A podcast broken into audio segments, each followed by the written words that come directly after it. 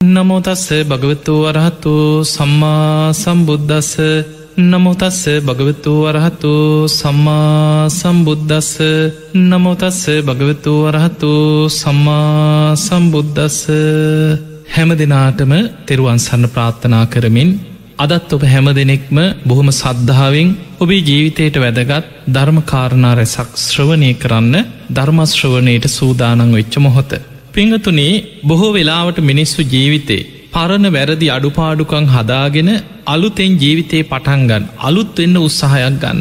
ඒ උත්සාහය තුළ වීරිය වනත් එහෙමයි. ආරම්භක ධාතු නික්කමධාතු පරමක්ක ධාතු හැටියට බුදුරජාණන් වහන්සේ වීරිය පවත්වන ආකාරි පැවැත්තිය යුතු ආකාරි ගැන ධර්මය පෙන්න්නන. ඒකැන අපිට යමක් පටන්ගන්න වීරියක් අවශ්‍යයි. මං අද ඉදන් සිල් රකින. අන්න වීරියක් අවශ්‍යයි එක පටන්ගන්න. අද ඉදම් මං බණහන. අද ඉදං මං යහපත් කෙනෙක් බවට පත්වෙනවා. අද ඉදම් මගේ ජීවිතයේ අඩුපාඩු වැරදි මේවා හදාගෙන මං ගුණයාපත් කෙනෙක් බවට පත්වෙනවා. ඒක කොච්චර හිත හිත හිටියත් ඒ වැඩි පටන්ගන්න නං ඔබට වීරයක් තියෙන් ඕන්. ඒකට ධර්මය කැන ආරම්භක දහතු යමක් කුසලයක් පිනා යහපත් දේක ආරම්භ කරන්න වීරයක් තියෙන් ඕන්. පොහෝ අයගේ වීරිය පටන් ගැනීම විතරයි. හැබැයි පටන් අරගෙන දවස දෙක තුන යනකොට ඒක හේම කඩාගෙන වැටින. ඒ නිසා පටන්ගත්ත වීරිය දිගටම අකණ්ඩව පවත්වාගෙන යන්න වීරියක් තියෙන් ඕන්. නික්කම ධාතු. ඒක පවත්වාගෙනයෑමේ වීරිය. බොහෝ දෙනෙකුට ඒ වීරිය නෑ. ඒ නිසාම හිතනො මං අද ඉඳං හැදෙන මං මේ අවුරුද් දෙනම් හැදෙනවා. ඔන්න මං අද ඉඳං හොඳ මනුස්සෙක් වෙනවා. හැබැයි ආයමත් ටික දවසකින් අර පරණ ජීවිතයට මැදගෙන වැටෙන. ඒකට හේතුව තමන්ටේ පටන්ගත්ත වීරිය පවත්වාගෙනයෑමේ හැකියාවක් නැතිකම නික්කම ධාතු. ඊළඟ එක තමයි පරමක්ක ධාතු කැන තමන්ගේ නිෂ්ඨාව දක්වාම අවසානි දක්වාම ඒ වීරිය ප්‍රතිඵල ලැබෙනතෙක් අකණ්ඩුවම අරගෙන යන්න හැකියාව. අප හිතම යම් කිසි කෙනෙකුට බෞද්ධයෙක් නං ඔබ තෙරුවන් සරණගේ ශ්‍රාවකයෙක් නම් ඔහුට ඉලක්කයක් තියෙන් ඕන් මං අඩුම ගානි සුවාන්වත්වෙනවා. මං මේ ජීවිතේ කොහොමහරි ධර්මාවබෝධයක් ලබනෝ. බුද්ධ ශාසනයක් ලැබිච්ච වෙලාවේ මනුස්ස ජීවිතයක් ලැබිච්ච වෙලාවේ මං කොහොමහරි ධර්මය අවබෝධ කරන. අන්න ඒ පිණිස්ස උත්සාහය ගන්න වීරයක් තියෙන් ඕන. ඒ ගත්ත උත්සාහයි දිගට දිගට දිගට පවත්වගෙන යන්න වීරයක් තියෙන් ඕන.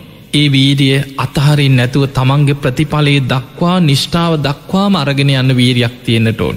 එනිසා පිංහතුනේ ඔබට ජීවිතේ අලුත්වෙනවනම් අපි බොහෝ වෙලාවටන සමහරු අවුරුද්දක් අවසන් වෙන්නකොට දෙසැම්බර් මාස හිතනවා මං ඊළඟ අවුරුද්ධ ඉදං හැදෙනවා. සමහර පවකාරයෝ දෙසැම්බ තිස්සෙක් වෙනි ද ගැන නැත්තට නැතිවෙනවා. එහෙම නැත්තට නැතිවෙලා එක්කො බීලා දුරාචාරයේදිලා හිතනම් ලබ නවරුද්දේ ඔක්කොම අතහරි ජනවාරි පලවින්ද ඉනම් හැදෙනව හැදිල්ලක් අයි කියලා පාර පරණ ඔක්කොම අතහැරලා අද ඉනං යහපත් කෙනෙක් වෙනවා කියල හිතනවා. හැබැයි ඒ ගත්ත උත්සාහයි සමහරලාවට හීන වීරී ඇති අර නික්කම ධාතු නැති කෙනාට එක්කො දවසයි දෙකයි සමහල්ලාට සතියයි උපරිම මාසයයි ආයමත් අර පරණ මට්ටමට කඩාගෙන වැටෙන. ඊළඟට අපි දන්නවා සමහරු ඊට පස්සේ හිතනවා සිංහල අවුරුද්ධ එනකොට හිතනවා. පරණ අවුරුද්දේ පස්සේ අලුත් අවුරුද්ධයි නම්මං හැදෙනවා. මේ අලුත් අවුරුද්ධයි නම්මන් ජීවිතය වෙනස් කරගන්න. මං යහපත් කෙනෙක් බවට පත්වෙනවා. එහෙම උත්සාහයක් ගන්න. සමහරයි වෙසක් පෝය එනකොට බොහෝ බෞද්ධයෝ හිතනවා පරණ ජීවිතය අඩුපාඩ වැරදි හදාගෙන මේ වෙසක් පෝය දවසිදන්න මං හැදෙනවා හැදිල්ලක් කියලා ඔන්න හිතනවා. එහෙමත් බැරි වෙච්ච කෙනා හිතනවා පොසොන් පෝයට හැදෙනවා. අපිට බුද්ධ ශාසනයාව පොසොන් පුන් පොහෝ දවසේ මිහිදු මහරහත්තන් වහන්සේගෙන් ධර්මය ලැබුණ පොසොන් දවස මම පොසොන් දවසින් දන්නන් ඔන්න හැදෙනවා කියලා හිතන. එහෙමත් බැරිවෙන සමහරයි හිතනොත් ඇසල පෝයි දවසි තමයි තුනුරුවන් ලෝකෙට පහලවුණ මම මේ පෝයි දවසිදන්නන් ඔන්න හැදෙනවා හැදිල්ලක් කියලා එහෙමත් හිතනවා. එදකොට මේ වගේ අපිට පේනවා ජීවිතය කෙනෙක් වෙනස් වෙන්න ජීවිතේ වැරදි අඩුපාඩු හදාගන්න උත්සාහයක් ගන්න එක හොඳයි. ඒ ගන්න උත්සාහය තුළ තමයි කෙනෙක්ගේ ජීවිතය වෙනස්වෙන් පිංහතුනී මේ බුද්ධ ශාසනය තුළ උපදිනකොටම මවකුසෙන් මාර්ග පල්ලාබාගෙනන වනෙමේ උපදිනකොටම සිල්වත් වෙලා උපදින වන්නෙමේ මේ බුද්ධ ශාසනය තුළ මාර්ගපල් ලබපු බොහෝ ශ්‍රාවකයන්ගේ චරිත දිහා ගත්තහම වැරදි අඩුපාඩු නොයෙක් දුස්සීලකං නොය කපරාද ඔරු මංකොල්ලකාරයෝ විසංගනං මිනිමරු එක බණපදය හල ජීවිතය වෙනස් කරගත්තා. බුදුරජාණන් වහන්සේගේ බණපදෙන් මුළු ජීවිතේම වෙනස් වෙච්චයින්න. දෙව් මිනිස්සුන්ගේ වන්දනා ලබන උතුම් මහරහතන් වහන්සිල බවට පත් වුණ. අර පරණ වැරදි අඩුපාඩුකන් සියල්ල ජීවිතයේ සම්පූර්ණය වෙනස් කරගත් අයි හිටිය. ඒ නිසා වෙනස් වෙන්න පුළුවන්. සමහර වෙලාවට වෙනස් වෙන්න උත්සාහ ගන්නකොට අර පෙර සංසාරික අකුසල්වලින් ආපස්සට හිත අදින්න පුළුවන්. දම්ම පදේ සඳහන් වෙනවා විසිත්තුන් අතාවක් පැවිදි වෙනවා සිවරුවරන්න පැවිදි වෙනවා සිවරුවත් පැවිදි වෙනවා සිවරුවරි. උන්වහන්සේ නිවන් දකින්න හිතාගෙන පැවිදිෙන ආයිටික කාලයක් ඉන්නකට ගෙදර මතක් කියෙන. අර කුමරු වතු පිටි මතක් කියෙනවා බිරිඳ මතක් කියෙනවා ආයි සිවරු ඇල්ල ගෙදර යන. ඒ ගිහිල්ල ගෙදර බිරිඳගෙන් බැනුම් අහගෙන ගුටි වැටකාගෙන නින්දාවිඳගෙන කුඹුරු කොටාගෙන ඉන්නකොට ඉදරම් මොන්න දුකක්ද මේ. කෝමහරි දුකෙන් මිදන්න තියෙනවන ආයර ඔක්කෝම් පැත්තක දාලගින් පැවිදිවෙන. ආයි ටික කාලයක් සිල් ගුණ දහම් වඩාගෙන ඉන්නකොට ආයි ගෙතර මතක් කෙනවා. ආයි මතක් නො මීට වැඩි හොඳයි කුඹුරක් කරගෙන හිටියනම් කියලා ආයිසිගුරු ඇරල ඇනවැන්. ඔය වගේ කීප වතාවක්ම සිවුරු අරිනවා පැවිදිවෙන. අවසානයේ උන්වහන්සේටම හිතුනා මට මේ බාධමං කී සැරයක් නං පැවිදි වුණා සිවුරු ඇරිය පැවිදි වුණා සිවුරු ඇරිය. මට මේකට තියෙන බාධාව කුඹුර තමයි මතක්කේ මට ගිහිල්ල හේන කරගෙන ඉන්න පුළුවන් කියලා උදැල්ල ඇත්ත වුව මතක්කෙන. දවසක් මේටි කාරගෙන ගිහිල කන්දක් උඩට ගිහිල වීසි කරා පහලට. අර උදැල්ල නගුල මේ කැත්ත ඔක්කොම වීසි කරලා හිතු ආයිනං එන්නේ නෑ. මං කොහොම හරි පැවිදි වෙලා මේ සිල් ගුණ දහම් රැකගෙන ධර්මාවබෝධය කරායන. එහෙම ගිහිල්ල එදා පැවිදි වුණා ඒ ගිය ගමන උතු මරහත්තේ දක්වාම ජීවිතය දියුණු කරගත්තා. එතකොට අපිට පේනවා මේ ජීවිතයේ ප්‍රමාදවිවී ප්‍රමාදවිවී ප්‍රමාදවිවී හිටපු බොහෝ චරිත යම් මොහොතක ධර්මය අල්ලනු. එනිසා පෙන්වතුනි වැටි වැටී නැකිටිනව වගේ ධර්මය පැත්තටම නැකිටෙන්න. ජීවිතය වැටෙන්න්න පුළුවන් මේ කෙලෙස් සහිත ජීවිතය තුළ රාග දවේශ මෝහාදී අකුසල් මතුවෙන. විටිං විට මේ ක්ලේෂ ධර්මයන් ජීවිතය මතුවෙන. ඒ ක්ලේෂ ධර්මයන් මතු වෙනකොට ඒ කෙලෙස්වොලට වහල් නොවී ඔබට පුළුවන්කම තියෙන් ඕනෑ කොහොම හරිමන් ධර්මය කරා යනවා කියන උත්සාහය තුළ ජීවිතයේ ධර්මාවබෝධය පැත්තට හරෝග. දැම් බලන් මේ බුද්ධ ශාසනය තුළ මහරහත්තන් වහන්සේලාගේ චරිත කතා ඔබ හොඳට අධ්‍යයනය කරලා බැලුවොත් එක තැනක තියෙනවා තබ්බද්දායි කියල හොරනායකේ. විශාල් හොර පිරිසක් එක ගම් පහරපු හොරෙක්. මේ හොරු පිරිසම අවසානයේ බනහල පැවිදි වුණ. සියලු දෙනාරහත් වන. ඔය වගේ කාශ්‍යප බුද්ධ ශාසනය තුළ හොරු පන්සීයක්. ඒ දවසේ හොරකං කරලා බඩුටි කාරගෙන පැනල ඇනකොට රාජබටයෝ පැන්නු. රාජබටයන්ගේ බේරෙන්න්න විදිහක් නෑ එදා රජ්ජුරුවන්ගේ දරුණුම සේනාංකෙ දුනු සේනාංකෙට තමයි රජ්ජුරෝ පවරල තිබ්බේ මේ හොරු ටික දැක්ක තැන විදල මරන්න කියල්. එදා මහ කැලේ දුවගෙන යනකොට ස්වාමීන් වහන්සේ නමක් ඉරදි බල සම්පන්න රහතන් වහන්සේ නමක් මහ කැලේ දහම් දෙසනු. ගිහිල්ල වැඳ වැටු නනේ ස්වාමීණි අපිය බේරගන්න කියල්.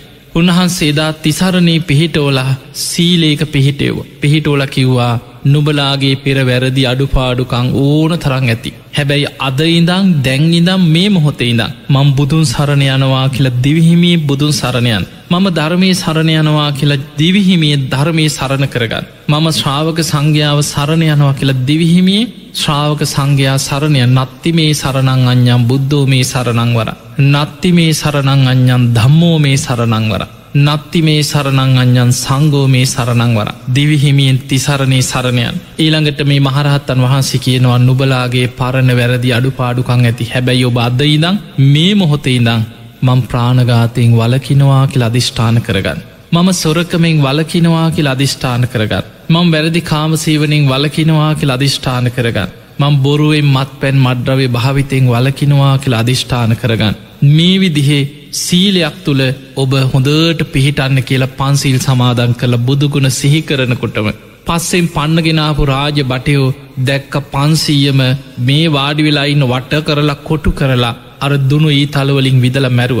මේ පන්සිය දෙනාම නින්දෙන් පිබිදිය වගේ දිවිය ලෝක උපදින් පිංහතුනි දෙව්ලව උපදින්න හේතු වෙච්චදේ බුදුරජාණන් වහන්සේ දේශනා කරනවා මරණ මංචකයේ බුදුගුණ සිහිකරගත්ත කුසලින් කරපු දහසක් අකුසල් එතන යටපත් වනා කිය.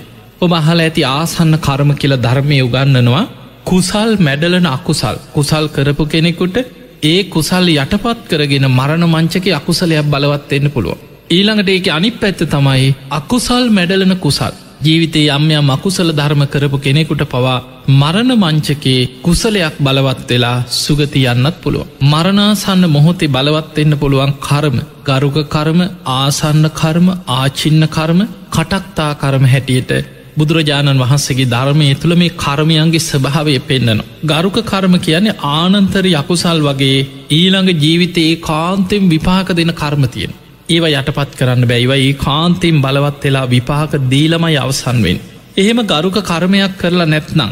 ඊළඟට මරණාසන්න කෙනෙකුට බලවත් වෙන්න තියෙන කර්ම තමයි ආසන්න කර්ම. ඒ ආසන්න කර්ම අතර කුසල් මැඩලන අකුසලයක් හරි අකුසල් මැඩලන කුසලයක් හරි.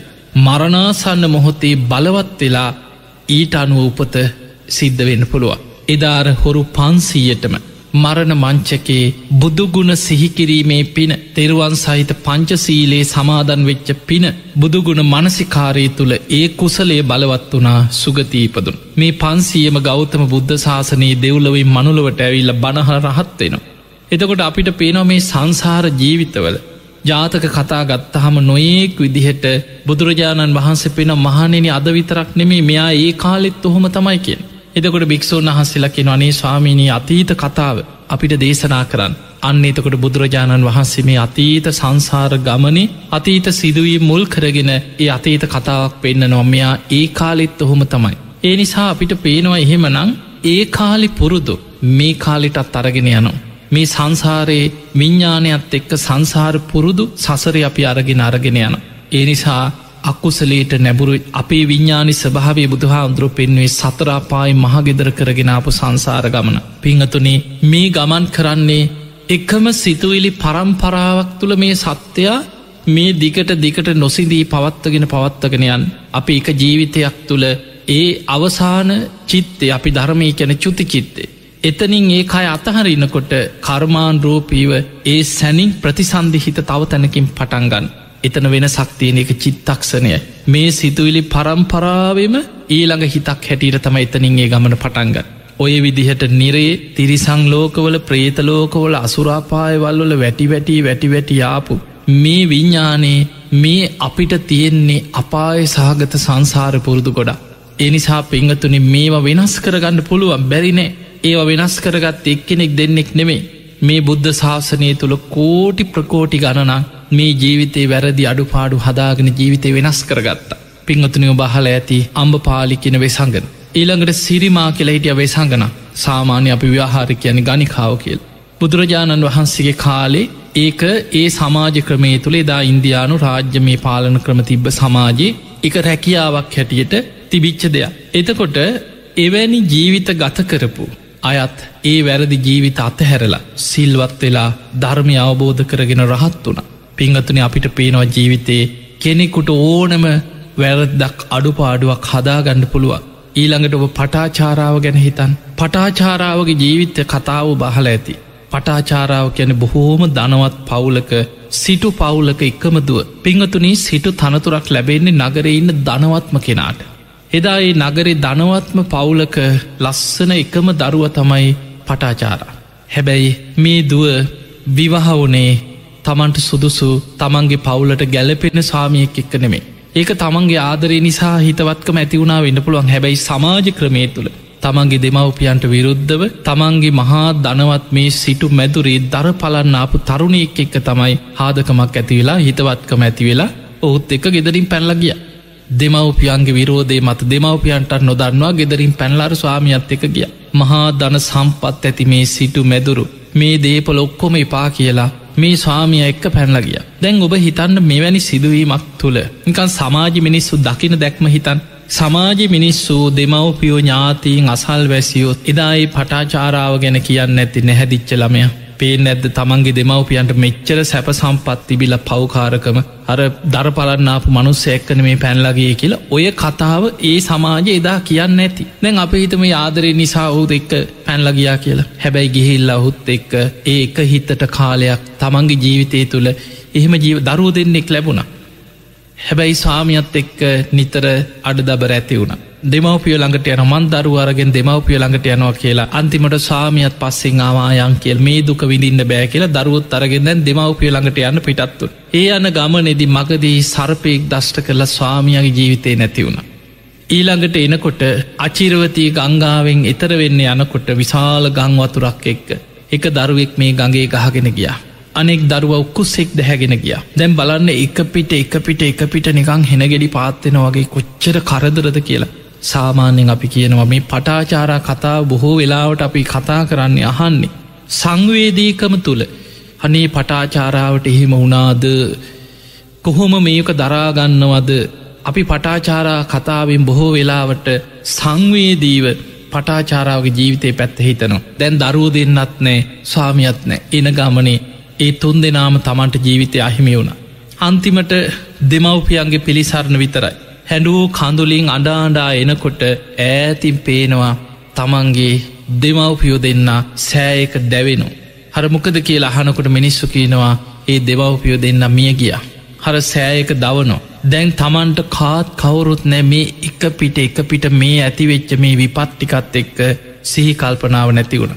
තමන්ට උන් හිටි තැන් අමතක වුණා. ඇගේ වස්ත්‍රයක්කත් නැතුව පිස්සුවෙන් කෑග ගහඩාගෙන පාරවල් දිගේ දුවගෙන දුවගෙන ගියා. දැන් හිතන්න ඔය චරිතේ එදා පාරි දුවගෙන යනකොට මිනිස්සු මොනවානන් නො කියන්න නැද්ද කියලා පිසියක් කියන්න ඇති. ඊළඟට කියන්න ඇති ඇඳුන් නැතුව කෑගහගෙන දුවනකොට කොච්චර පහත් වචනවලින් නරක වචනවලින් පටාචාරාවට බනින් නැද්ද. හැබැයි මතකතියාගන්න ඒ තමයි මේ බුද්ධ ශාසනයේ විනය දර භික්‍ෂුණීන් වහන්සේලා අතර අග්‍රස්ථානය ලබපු කෙනා. දැන් අර ගිහි ජීවිතය තුළ පැනලායනකොට ඒ ප්‍රශ්නවලදී ඒ ඇතිවෙච්ච දේවල් එක ගත්තහම විනයක් පේන තිබ්බද. හැබැයි පැවිදි ජීවිතය තුළ බුද්ධ ශාසනය තුළ පටාචාරාවට බුදුරජාණන් වහන්සේ පිහිට වුණ. එදා බුදුරජාණන් වහන්සේගෙන් බණහලා ධර්මය වැටවුණ සිහිය ඉපදුනා. මේ බුද්ධ ශාසනය තුළ පැවිදි වෙලා ගුණධර්ම වඩලා පුද්දුම වීරියකින් බණභාවනා කරලා නික්ලේශී ප්‍රහත් භික්‍ෂුණයක් බවට පත් වන. මේ බුද්ධ ශාසනය තුළ විනය දර භික්‍ෂුණීන් වහන්සේලා අත්තරින් අග්‍රස්ථානි ලැබුයි පටාචාරා. එතකොට අපිට පේනවා සමහර වෙලාවට ගිහි ජීවිතය තුළ මහා දරුණු කෙනෙක් පැවිදි ජීවිතයක් තුළ බොහෝම සිල්වත් ගුණවත් කාටවත් සතෙකුටවත් හිංසා නොකන කෙනෙක් වෙන්න පුළුව. ජීවිතය වෙනස් කරගණඩ පුළුවන්. සමහර මත්කුඩු මද්‍රවයවලට ඇබ්බැහි වෙච්ච දරුව. තමන්ගේ ජීවිතයේ සම්පූර්ණයෙන් වෙනස් කරගෙන හොඳට ගුණධර්ම වඩන. හොඳට බණභාවනා කරන. භාවනා කරල අනිත් අයට වඩා වේගෙන් හිතත් දියුණු කරගන්න. සමහරු පැවිදි නොයිවැනි දරුව අපිට මුණ ගැහිලතිය. ඒ දරුවෝ ගුණධර්ම වඩන ක්‍රමේ සමහර දරුවෝ පන්සලකවත් මිනිස්සු ගැවසෙන ආරණ්‍යකවත් ගැවසෙන් නැතුව මහ වනාන්තරවල බණභාවනා කරගෙන පිණ්ඩ පාති කරගෙන ගල්ලෙංගොල බොහෝම දුකසේ ධර්මාවබෝධයට වීරිය වඩනයින්. ඒ අයගේ ගිහි ජීවිතේ ඒ අයගේ තරුණ කාලෙ ඒ අයගේ ජීවිතය ආපු ප්‍රශ්න දිහා ගත්තහම මෙහෙම කෙනෙක් නේද මේ ජීවිතය අනි පැත්ත හරෝගත්ත කියලා පුදුම හිතෙන්න්න පුළුවන් සමාජයට. ඒ නිසා මතකතියාගන්න ඕනම කෙනෙකුට ජීවිතය වෙනස් කරගන්න පුළුවන්. එහෙම ජීවිතය වෙනස් කරගන්න නං ඒ කෙනාට අවශ්‍ය වෙන්නේ උත්සාහය වීරිය නුවන අපි ධර්මය උගන්නනවා අකුසල් ප්‍රහාණය කළ කුසල් දියුණු කරගන්නන ආතාපි සම්පජානෝ සතිමා. ආතාපි කැන කෙලෙස් තවන වීරියක් තියෙන්න්නට ඕනේ. සම්පජාන කැන හොඳ නුවනක් තියෙන්න්නට ඕනේ. සතිමා කැන හොඳ සිහියක් පවත්ත ගන්නටෝ. මෙන්න මේ කරුණු තුනින් යුක්ත කෙනා අකුසල් ප්‍රහාණය කරලා කුසල් දියුණු කරගන්න දක්ෂ කෙනෙක් බවට පත්තෙන්.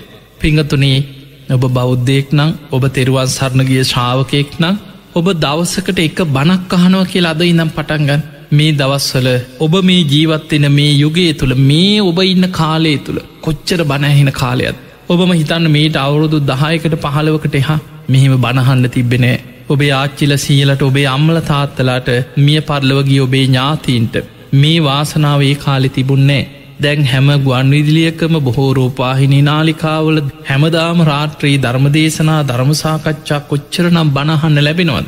ඒ නිසා එක බණ ඔබ එතනින් පටන්ගත් දවසකට එක බණක් අහන්න. ඔබට කාලයක් යනකොට තේරේ ජීවිතය වෙනස් වෙන හැටි. මේ විදිහට ඔබ පටන්ගත්තොත් ඔබ මාසයක් යනකොට දවස් තිහෙම බණහන්ඩ බැරිවුණනා කළ හිතන් දවස් දෙකතුනක් මගෑරුණත් අඩ්ඩුම ගාන බණ විසි පහක් හරියු බහලා. ඒ විදිහට ඔබ පටන්ගත්තොත් ඔබට මේ අවුරුත් දවසන් වෙනකොට බණ සිය ගානක් ඔබහල. ඒ නිසා ඔබේ ජීවිතය තුළ දහම් දැනුම දහම් පිපාසයක් ඇති කරගන්න. දම්ම කාමෝ බවන් හෝතිී දම්ම දෙස්සේ පරාබව කියනු. ධර්මයට ආස කරන කෙනා ධර්මය තුළ දියුණුව කරා යනවා. ධර්මයට අගෞරව කරන කෙනා ඕව හරි යනවත් ඕව කරලා කාට දහරිගී ඔය බණහල වැඩක් තියෙනවත්. ඒ වගේ මානසිකත්වයක් තුළ ධර්මයට ගරහ කරමින් ජීවත්වෙන කෙනාගේ මෙලෝ පරලෝ දෙකම පිරිහිලා පිරිහිලා විනාසය කරයනු. එනිසා පින්වතුනි මේ ලැබිච්ච මනුස්ස ජීවිතය තුළ ඔබ පියවරෙන් පියවර ධර්මී පැත්තට යන්න නං පලවෙනිම දේතමයි බණ ඇසී. සමහර වෙලාට ඔබට එක පාට අඩුපාඩු හදාගන්න බැරිවේ. ජීවිතයේ හරියට පන්සිල් ටිකව රැකගන්න බැරිවෙන්න පුළුව. එක පාරට පන්සීල් රකින්න රකින්න ඔයා පන්සිල් රකින්න කියලා කිව්වට එයාට ඒක කරගන්න බෑ ඇයි බැරි එයාට ඊට වඩා වටිනා දෙයක් ලැබිලන. සීලේක වටිනාකම දැනෙන්න නං දහම් දැනුම තියෙන්න්න ඕන්.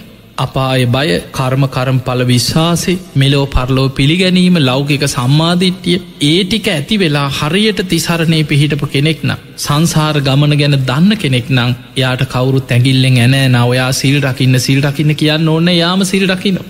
ඒ නිසා ඉස්සරලාම අපි කළ යුත්තෙ කෙනෙක්ව දහම් දැනුමින් ධර්මීන් පෝෂණය කරන්නටෝ.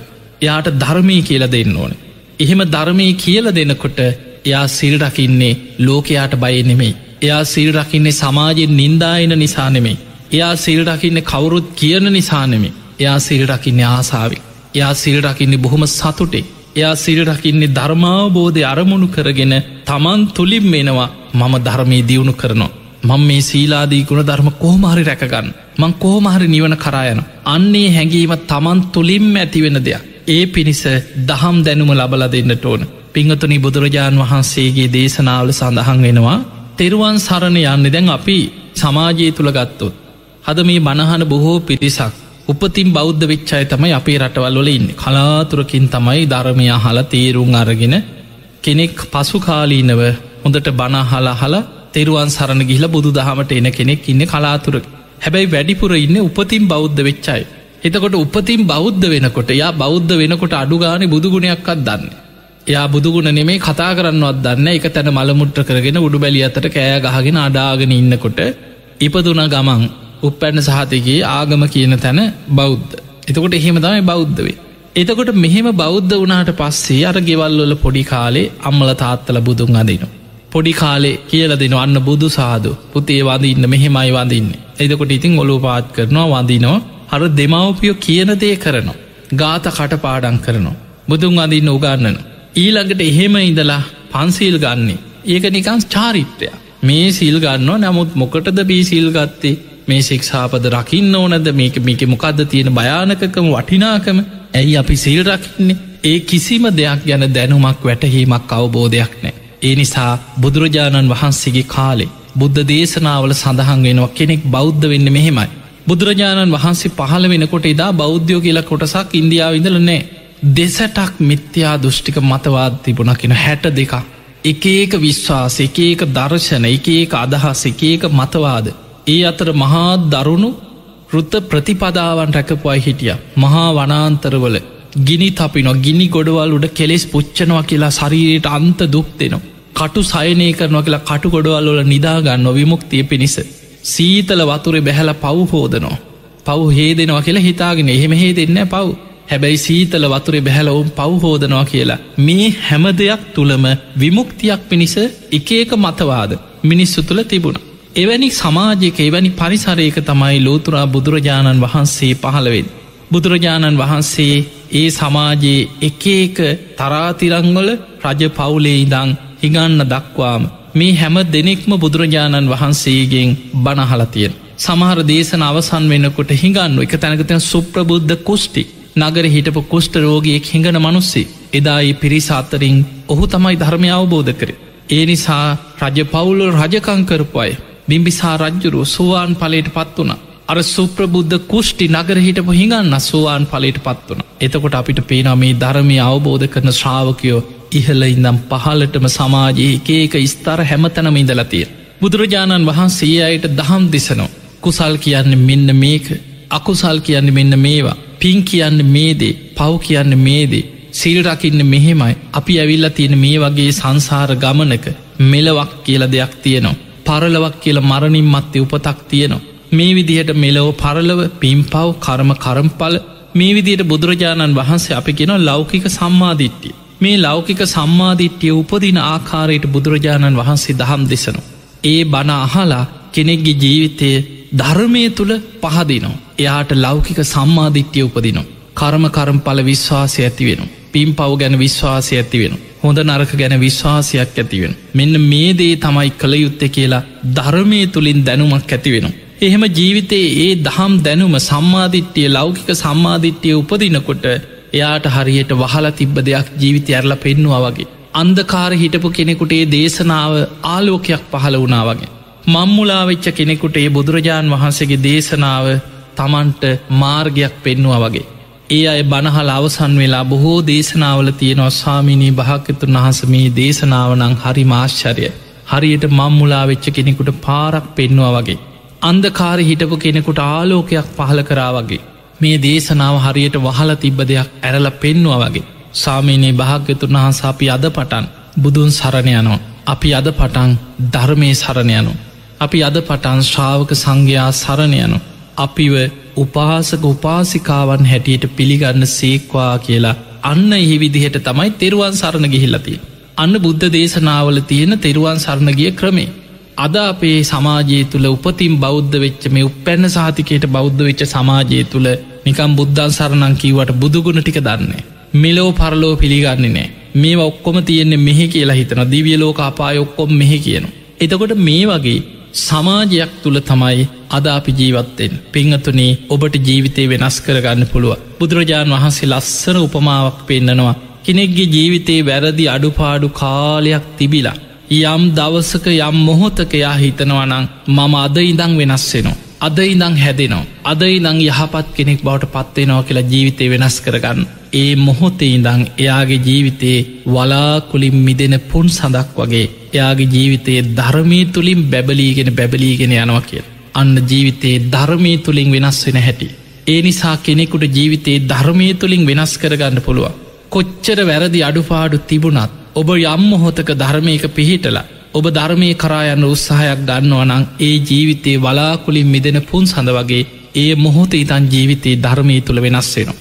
එහෙම වෙනස් කරගත්තට පස්සේ පරණ වැරදි අඩුපාඩු හිත හිත පසු තැවෙනවා කියන්නේ අන්න ඒක තමයි ඊළඟ ලොකුම දුරුවලතාව.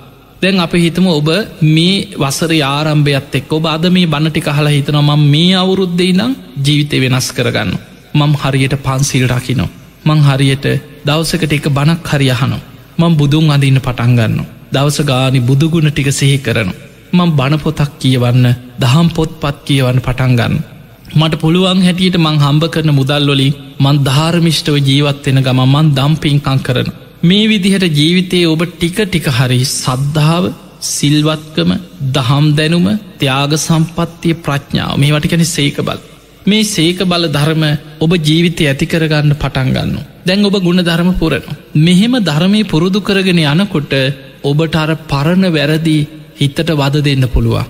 ඒ කාලෙ මං මෙහෙම වැරදි කරා. අයෝ මං ඉස්සර මේ වගේ පව්කං කරලා තියෙනවා. නොදන්න කාලෙ මං මේ විදිහට අකුසල් කරගත්තා. හැබැයි මතක තියාගන්න ඔබ ඒ විදිහට අකුසල් හිත හිත හිත හිත පසු තැවෙනවා කියන්නේ ඔබේ හිතේ ඒ අකුසල් වැඩෙනවා. ඒකත් අකුසල් හිතන්න හිතන් අකුසල් බලවත්වෙන. ඒ නිසා අකුසල් හිතන්නේ නෑ. ඔබ මේ අවුරුද්ධ සීලේක පිහිටලා ගුණධර්ම වඩන්න පටන්ගත්තනං හිතන්න ඒ ඔක්කොම පරණ දේවල්. ඒ ඉස්සර කාගෙන්ද වැරදි නොවෙන්නේ? මම අද ඉදම් මේ මොහොත ඉඳං ගුණධර්ම පුරනවා. පරණ වැරදි මට අදාල නෑ කියලා ඒ මතකයම් පවා හිතෙන් සම්පූර්ණයෙන්ම ඉවත් කරන්න. ඒවා සිහිවෙන්නකොටම හිතන්නේ පරණ දේවලුව මට අදාලනෑ මන් දැන් සිල්වත්. මං හොඳට ගුණධර්ම පුරණ කෙනෙක්. මං හොඳට ධර්මය වඩන කෙනෙක් කියලා ඒ පරණ දේවල් සියල්ල හිතෙන් අමතක් කරත් අමතක් කළ ඔබ ධර්මය පුරුදු කරන්න අන්න එතන ඉදං ඔබගේ ජීවිතේ වලාකුලින් මිදෙන පුන් සඳක් වගේ ධර්මය තුළ දියුණෝ කරායනු පිංහතුනි අංගුලි මාල වගේ. තමන්ගේ අත් දෙකින් මිනිස්සුන්ග මරලා මරලා මරලා ඇගිලි කපල මුළු ඇඟම ලේවලින් තෙත්වෙච්ච මහා අකුසල් කරගත්ත කෙනෙ කංගුලි මාල. හැබැයි බුදුරජාණන් වහන්සේට පුළුවන් වුණා උන්වහන්සේගේ මහා කරුණාව ඉදිරි එක පුංචි සතෙක්කත් මරන්නේ නැති සිල්වත් කෙනෙක් බවට පත් කරන්න. ඒ විතරක් නෙමේ එදාර දරුවෙක් ලැබෙන් හිටපු අම්ම කෙනෙක් ළඟට ගිහින් කරපු සත්‍යක්‍රියා. මේ කල්පේ පවතින තාක් බලවත් සත්‍යක්‍රියාවක් හැටියට සත්‍යක්‍රියාවක් කරේ. යතෝ හම් බගිනි පින්වත් නැගනී අරියා ජාතියා ජාතු. මම ආරි ජාතීපදුනාට පස්සේ ඒඇන බුද්ධ ශාසනී සංචිච්ච පානන් ජීවිතාවෝරෝපේතා දැන දැන කිසිම ප්‍රාණියගේ ජීවිතයක් නන් තොර කරේ නෑ. තේන සච්චේන මේක සත්‍යයක්මයි. සොත්තිතේ හෝති සොත්තිගක් බස්සාති මේ සත්‍යානු භාවේම ඔබ සුවපත්තේවා සුවසේ දරුව බිහිවේවා කියලා ඒ කරපු සත්‍යක්‍රියාව අදටත් බලගතුයි. බ බලන්න දැම් බුදුරජාණන් වහන්සේ පිරිනිවන් පාලා අවුරුදු දෙදස් පන්සිය හැට ගණන.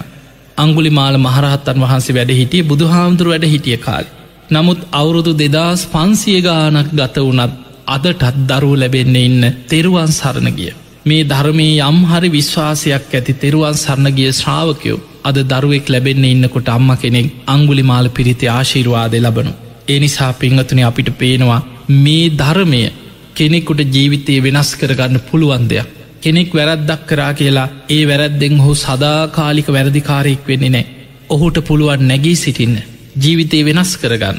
දෙව්මිනිස්සුන්ගේ වන්දනා ලබන උතුම් මහරහතන් වහන්සේලා බවට පත්වනේ ඒ විදිහට ජීවිතය වෙනස් කරගත්තයි. එරිසා පිංහතුනේ ඔබ යම් දවසක යම් මොහොතක ඔබට ජීවිතය වෙනස් කරගන්න අවස්ථාවක් එනවා. ඒ පිණිස ඔබ කළ යුතු දේ තමයි බණහන්න පටන්ගත්. ඔබ බණ අහනකොට තමයි අඩුපාඩු තේරෙන්නේ. ඒක භයානක්කම තේරෙන අප හිතම කෙනෙක් වැරදි අඩුපාඩු කර කරඉන්න. එයා හිතන්නෑ මේක ආදීනව ගැන. ඒ නිසා එයා හිතන්නේ මේ ලොකු අකු සල්හිතන අච්චර ලොකු පවකාරය යසාගේටයින් අච්චර හොඳටයින් ති මංකරපුහා මොකද කියල ඔහොම අකුසල් කර කර සාධාරණය කරණය කර කරයින්. එතකොට කෙනෙක් එහෙම කතා කියන්නේ ඔහු නොදන්නකමට. ඔහුට මේක භයානක්කව තේරෙන්නේ. එතකොට එයාට ධර්මය කියල දුන්නොත්. එයා නිතර බණ අහනකොට එයාට පේතවත්වේ තියෙන කතා ඊළඟට අපාය ගැන තියෙන දේශන අකුසල් කළ දුගතිය වැටිලා ඒ අකුසල් ගෙවන මේ ජීවිතවල තියෙන භයානකකම මේවා තේරෙනකොට නිතර බණ අහනකොට තමයි තමන්ට අපාය බයක් උපදින්නේ. ඇත්තන එන්න මං මේ කරන දේවල් වැරදීනේ. මේ වගේ අකුසල් කරලා නිරේ වැටිච්චාය ගැන කොච්චර දේශනාවල තියෙනවද. මට මරණ මංචකේ මේ අකුසලයක් බලවත් වුණු මන් සුගති යන්නේ නෑ නේද කියලා අන්න තමන්ට බයක් උපදින. අකුසල් කරන කෙනාට ඒ අකුසල්වල බය තේරෙනකොට තමයි එයා කුසලේට යොමුුවෙන් බුදුරජාණන් වහන්සේ පෙන්වා කෙනෙකුට සද්ධාව උපදින්නත් සංසාර බය සසර දුක මේ අපි යන භයානක සංසාර ගමන ගැන තේරෙන්න්නට ඕන. දුක්කූප නිසා සද්ධහා සද්ධාවට ප්‍රධානම හේතුව තමයි සසර දුක. මේ දුක ගැන තේරුම් ගත්ත කෙනා තමයි දුකින් මිදන්න උත්සාහයක් ගන්න. දුකේ හට ගැනීම මොකක්ද කියලා හොයන්නේ. එහෙම දුකේ හට ගැනීම තේරුම් ගත්ත කෙනා දුක්ක නිරෝධය සාක්ෂාත් කරගන්න මහන්සිගන්න. ඒ පිණිස තමයියා ආර්යෂ්ඨායික මාර්ගය වඩන්නේ දුක්ක නිරෝධගාමනී ප්‍රතිපදා වඩන් අන්නේ නිසා ඔබ ඔබේ ජීවිතය තුළ කරුණු පහක් පුරුදු කරගන්න දක්ෂවෙන් ඔබ අධිෂ්ඨාන කරගන්න මම අද ඉඳම් මේ මොහොතේ ඉඳං හරි සද්ධාව දියුණු කරගන්න. නිතර බුදුගුණ හිතන්න දහම් ගුණ හිතන්න සඟගුණ හිතන් ඔබේ සද්ධාවට හානි වෙන දෙයක් කරන්න එපා. නිතර තුනුරුවන් ගුණ සිහිකරමින් සද්ධාවෙන් ඔබ පොහොසතෙක් වෙන්න. ඒ සද්ධාව කියන්නේ ධනයක් සද්ධහා දන අන්නේ සද්ධාව තුළින් සද්ධාවෙන් ධනවතෙක් බවට පත්වෙනවාකි අධිෂ්ඨානය ඇති කරග. ඊළඟට සීලේ ඒකත් ධනයක් හිරි යොත්තප්ප කියන පවට ලැජ්ජා බයි ඒ ධනය මත තමයි සීලයක් ආරක්ෂාවෙන්නේ පවට ලැජ්ජා කෙන පවට බය කෙනා තමයි සිල් රකිින්. මම නිති පන්සිල් රකිනවා කියෙන දැඩි අධිෂ්ඨානය බේ හිතේ ඇති කරගන්න. ඊළඟට සුත. ඒකත් ධනයක්. සුත දන සුත කියන්නේ දහම් දැනුම්. බණපොත්පත් කියවන් දවසකට එක බණක් හරියහන් ධර්මයට ආස කරන්න. ධර්ම සාකච්ඡා කරන්න. කල්්‍යයාන මිත්‍රයෝ සත්පුරුසය මුණ ගැහුණට පසේ ධර්මය සාකච්ඡා කර කාලයක් යනකට ඔබට නොදැනීම විශාල දහම් දැනුමක් ඔබේ ජීවිතය තුළ එකතු වෙන සුතවත් භාව. ඊළඟ එක තමයි ත්‍යාග සම්පත්ති අතහැරීම. ඔබේ ශක්ති පමණින් පින් කරන්න අනුන්ට උදව්පකාර කරන්න නැති බැරි අයට පිහිටවෙන් ඔබට පුළුවන් හැටියට දම් පින්කා කරන්න අනුන්ට උදව්පකාර කරන්න ඒ කරන පින හිතල හිතල බලවත් කරන්න මං මේ විදිහට පින්කං කරා මං මේ විදිහට දන්දුන්න මං මේ වගේ ගුණ ධර්ම පිරුව. ඒ ගුණ ධර්මත් හිතෙන් හිතල හිතල බලවත් කරන්න ඊළඟ වැදගත්ම දේ තමයි ප්‍රඥාව. ගැඹුරු ධර්මකාරණා නුවනින් විමසන්න යෝනිසෝ මනසිකාරයදෙන් අහන ධර්මය නුවනින් විමසනකොට තමන්ට ධර්මාවබෝධය පිණිසේ නුවන උපකාර කරන. ප්‍රඥාව ලබන්න උපකාරවෙන්නේ සද්ධර්මශ්‍රවනයත් යෝනිසෝ මනසිකාරය යෝනිසෝ මනසිකාරය කියන්නේ අහන ධර්මය නුවනින් විමසීම් තමා තුළින් අවබෝධ කරගන්න උත්සාහ ගැනී. ඔන්න ඔය කාරණා පහ සද්ධහා සීල සුත ත්‍යයාග ප්‍රඥා කියන කරුණු පහ ඔබ දවසින් දවස ඔබේ ජීවිතය තුළ දියුණු කරගෙන උතුම්මෝ ධර්මයම අවබෝධ කරගන්න වාසනාව ලැබේවා ලැබේවා ලැබේවා කියල අපි ඔබට ආශිර්වාද ප්‍රාර්ථනා කරනවා.